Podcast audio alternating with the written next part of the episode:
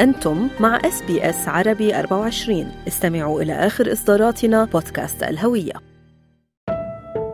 لدى الأمهات العربيات طابع تربوي مميز لا يمكن نسيانه بسهولة على مدى الأجيال. منهن الشديدات والمتحفظات ومنهن البسيطات والمنفتحات. لهلأ بتذكر لما الماما ترفع حاجبها يعني لا يعني لا أو بتهز براسها بس هيك نفهم عليها. فماذا أخذت الأمهات الشابات عن أمهاتهن؟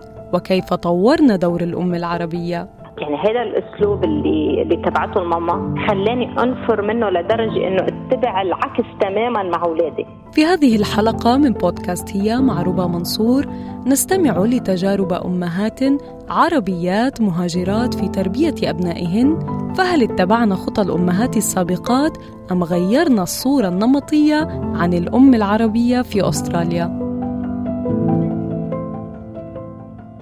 ما بين الأم المنفتحة والمتساهلة والأم المتشددة والصارمة تختلف قصص مجموعة من السيدات العربيات في تربية أبنائهن في أستراليا.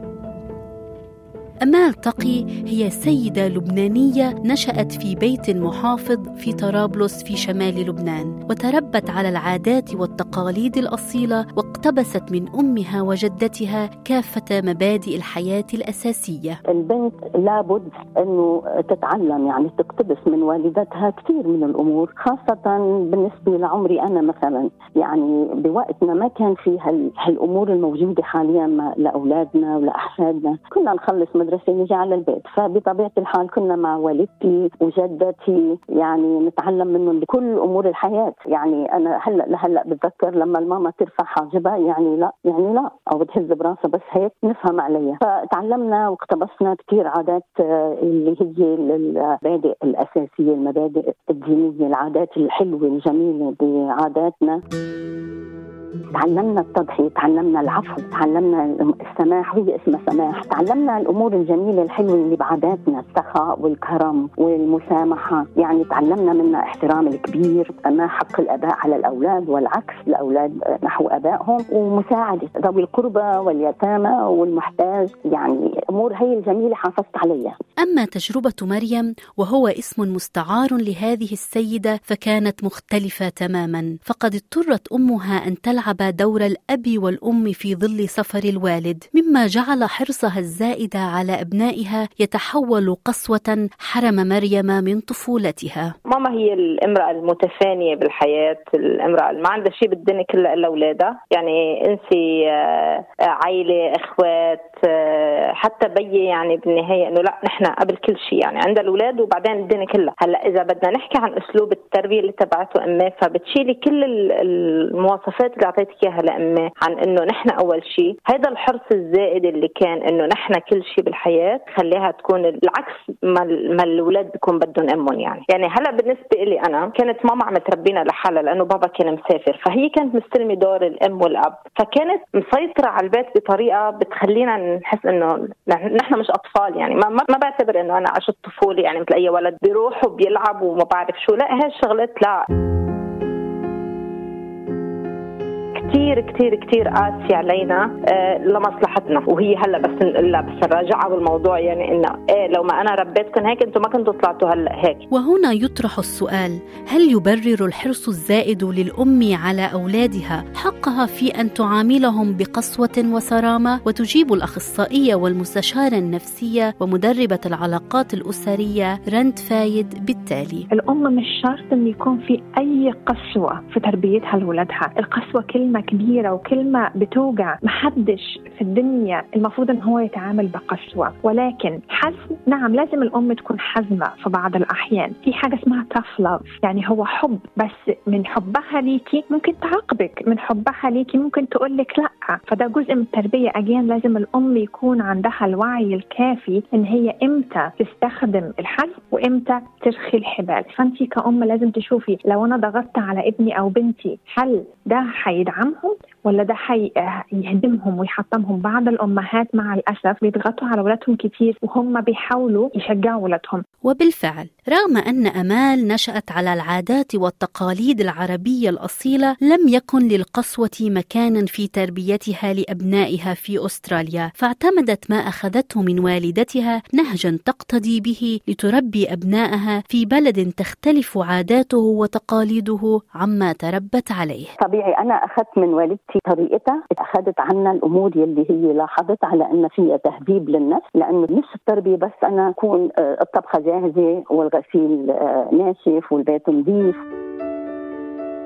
فأنا خاويتهم مثل ما بيقولوا اعتبرتهم مثل أصدقاء أو أو إخوة أكثر من إنه أم. وأولادها يعني أقعد معهم على نفس المستوى أحكي معهم نحن بالسيارة أو رايحين مشوار أو نجلس جلسات مثل ما بيقولوا quality time فأنا أشرح لهم لما الولد بيفهم بيستوعب شو الهدف من الأمور لما بقول له أيوه أو لا. تشرحي له الأمور بشكل حلو ومبسط وجميل. يعني بحس وبيخليه متشوق إلى التصرف بهالشكل. يعني أنا اتبعت أسلوب الترغيب مش الترهيب. وترك هذا الأسلوب أيضا أثره في حياة هند ابنة السيدة أمان جمال التي ولدت ونشأت في أستراليا لكنها حرصت أيضا على نقل ما تعلمته من والدتها لأبنائها. ماما أنه ربتنا حسب أنه التيتا وأنا كمان أخذت شوي من التيتا وأخذت شوي من الماما. بعدين عملت شوي تغييرات حسب our environment. هلأ يلي تعلمته من الماما she's a woman who sacrificed a lot and is very selfless. أنه ضحت مشاننا الأولاد والعائلة وكمان she served the community. A lot.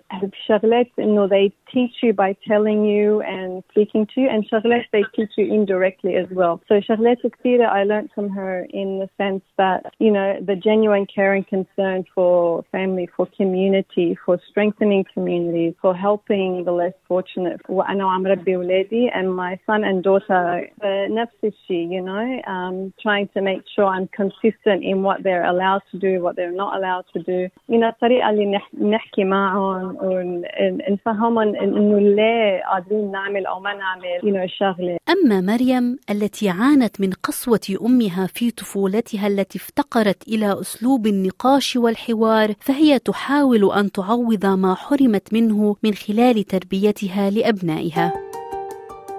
يعني هذا الأسلوب اللي اللي تبعته الماما خلاني أنفر منه لدرجة إنه اتبع العكس تماما مع أولادي. يعني أوقات في شغلات بعرف إنه يمكن عم بعملها غلط بس لأنه ماما كانت تعملها نحن وصغار وكانت تزعجنا فأنا لا بدي أعمل عكسها هلأ.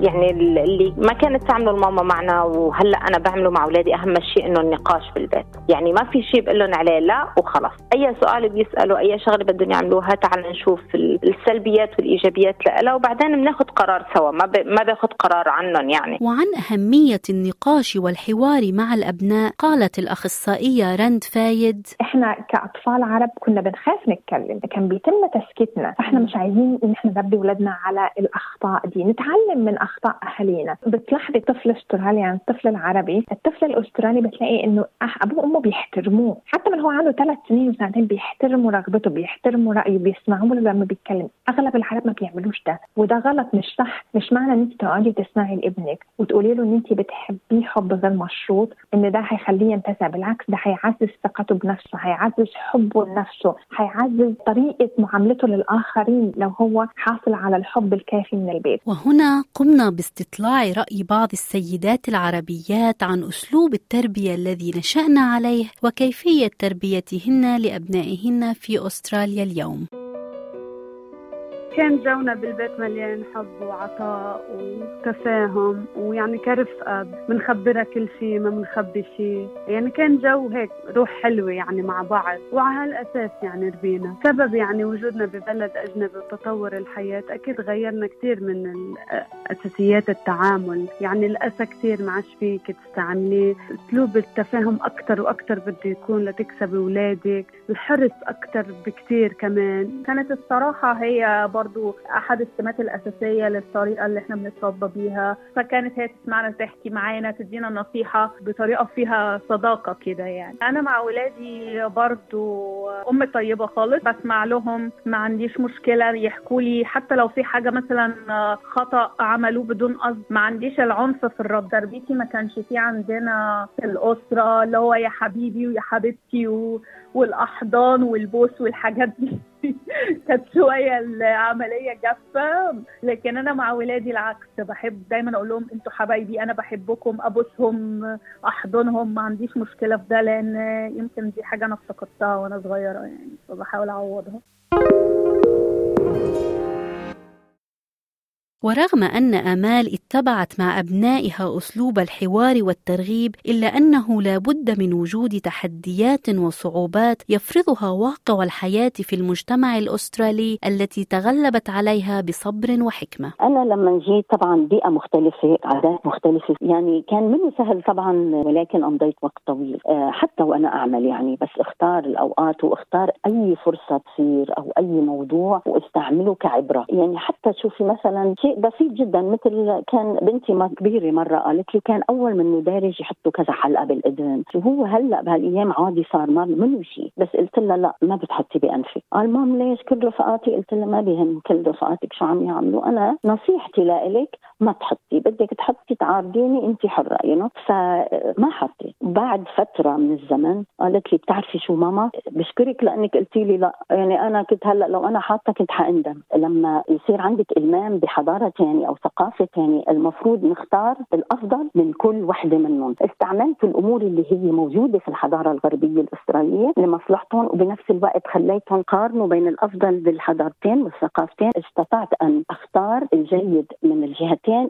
ووضح لهم اللي أنا بعتبره غير صالح لهم ولا لمصلحتهم. أنا الحمد لله بشوفهم يعني فخورة فيهم إنه هن متبعينا يمكن كمان أكثر مني. الناس كلها بتقول ما شاء الله عنهم يعني مش, مش مبين عليهم مواليد هالبلد. أما هند ابنة السيدة أمال فأكثر ما يشكل تحديا لها في تربية أبنائها هو التطور التكنولوجي وانتشار الإلكترونيات الأمر الذي لم تواجهه والدتها في تربيتها لها. بهذا الوقت خصوصي الديجيتال devices I find it it's very challenging. Uh, so إنه الواحد لازم يعمل boundaries and to make sure um, it's safe because online safety is just as important as our physical safety. فالواحد لازم يهاف monitoring app to make sure that everything that is being used safely. نحكي مع أولادنا إنه not to have public profiles. I think you, you empower them when you give them information and knowledge ونفهمهم ليه وإنه نحن إنه بنريد يلي أحسن لإلهم. It helps them. لكن التربية في مجتمع غربي لا تشكل تحديا بالنسبة لمريم فهي تعتبر أن التطور والانفتاح مكن الأبناء من الاطلاع على ثقافات مختلفة من مختلف أنحاء العالم. هلا نحن وصلنا لعصر يعني في عندك تكنولوجيا في عندك إنترنت. العالم هون بيعرفوا عن ثقافة الصين شو فيها. بيعرفوا عن كل شيء يعني ربيتهم هون ولا ربيتهم عنا بعالمنا العربي نفس الشيء مش حتفرق مثل ما انت بتعلميهم بالبيت هن بيطلعوا فصراحة مش خايفة من هالموضوع ابدا. إنه أنا علي إنه علمهم على الصح والغلط لما بلاقيهم ماشيين بالغلط بوقفهم عند حدهم. بقدر أوقفهم عند حدهم بطريقة إنه مش أقمعهم. لا بطريقة إنه هيدا الشيء أنا معلمتكم إنه غلط. بالنهاية كلنا بدنا نرتكب أخطاء يعني نحن ولا اولادنا بس إنه في غلط عن غلط بيفرق. لما بتكوني من أنت من هن وصغار الأولاد معودتيهم على الصراحة وكل شيء تمام فخلص. لاعطيكي مثل. إنه كلنا بنعرف إنه التدخين ممنوع. ابني هلأ بلش high school السنة الماضية. جيت قلت له, قلت له شوف أنت رايح high school بتعرف إنه في أولاد بتكون عم تدخن. بدك تدخن تعال عندي على البيت. والله اللي أنا بعطيك. والله العظيم أنا بجيب لك دخان وبخليك تجرب. بس أنت بتعرف ال consequences للموضوع. ومن أجل مواجهة التحديات التي قد تواجهها الأم العربية في تربية أبنائها في أستراليا تقول الأخصائية رند فايد دور الأم إنه تحب ابنها أو بنتها حب غير مشروط. إن أنا أتقبل ابني أو بنتي زي ما هم ما احاولش أغيرهم. خصوصا خصوصا ان إحنا هنا في أستراليا الأطفال لهم حقوق. بتشوفي إنه الولد والبنت مجرد ما يبقى عندهم 16 سنة حقهم قانونا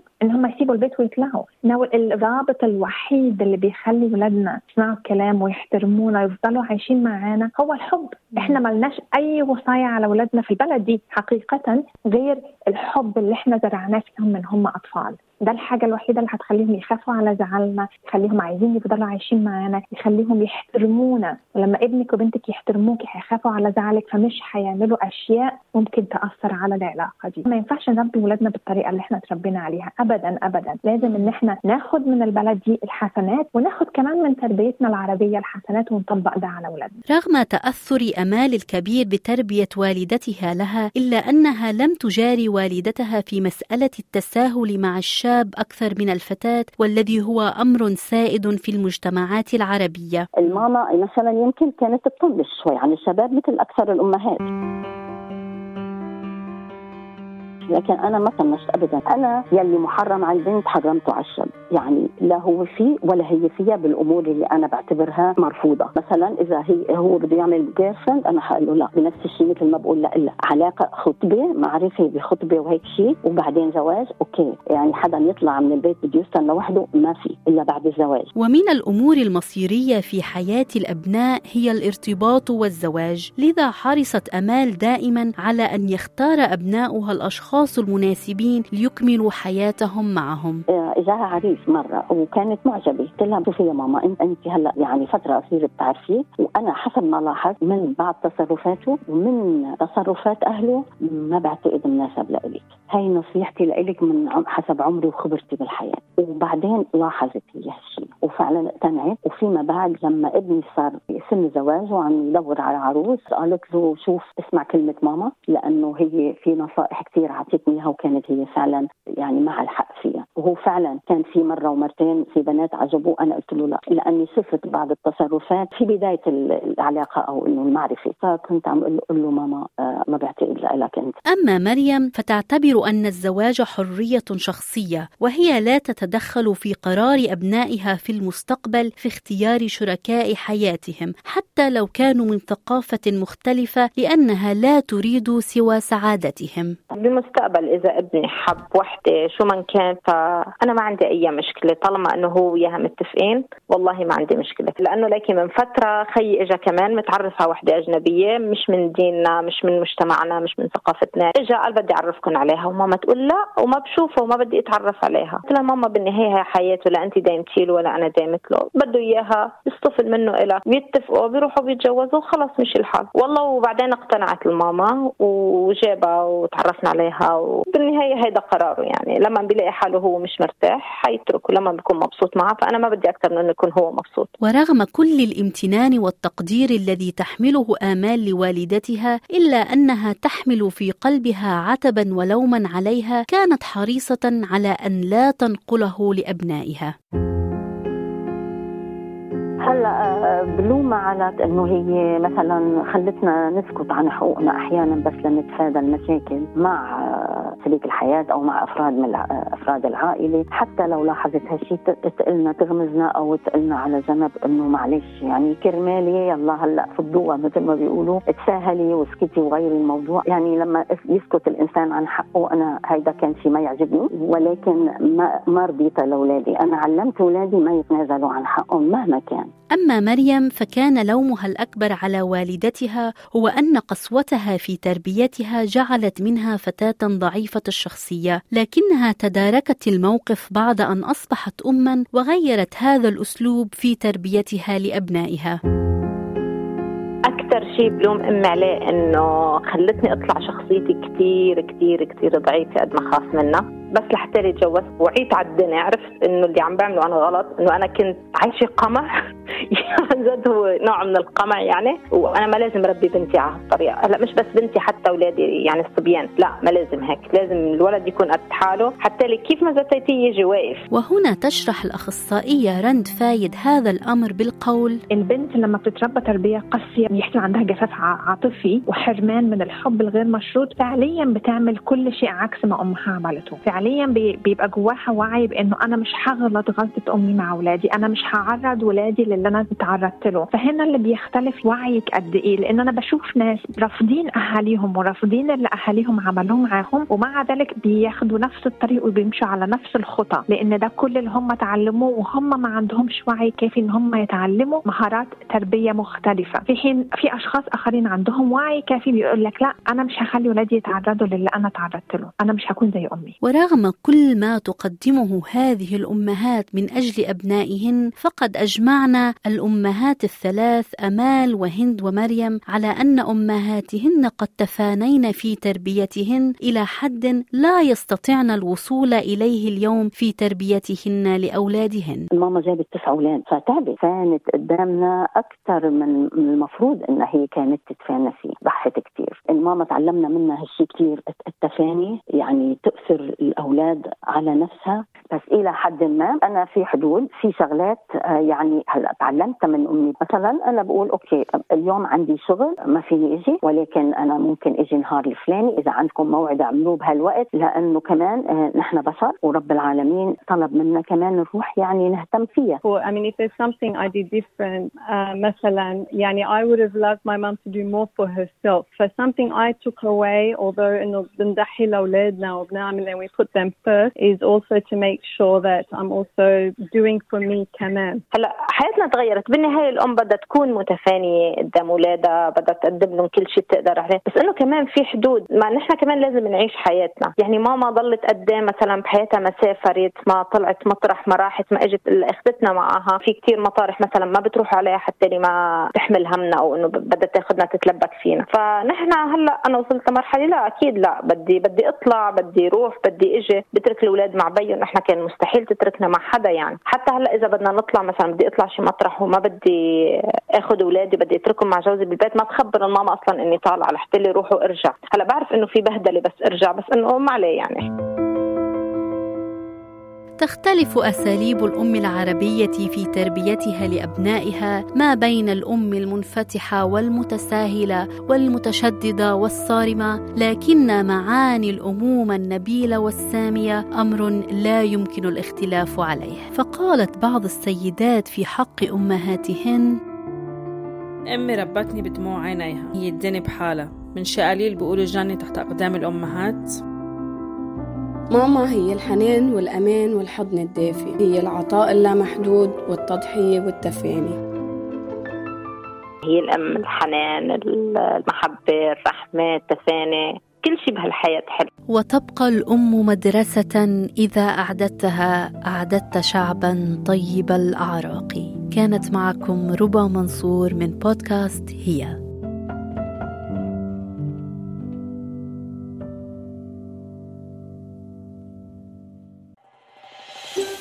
هل تريدون الاستماع إلى المزيد من هذه القصص؟ استمعوا من خلال أبل بودكاست، جوجل بودكاست، سبوتيفاي أو من أينما تحصلون على البودكاست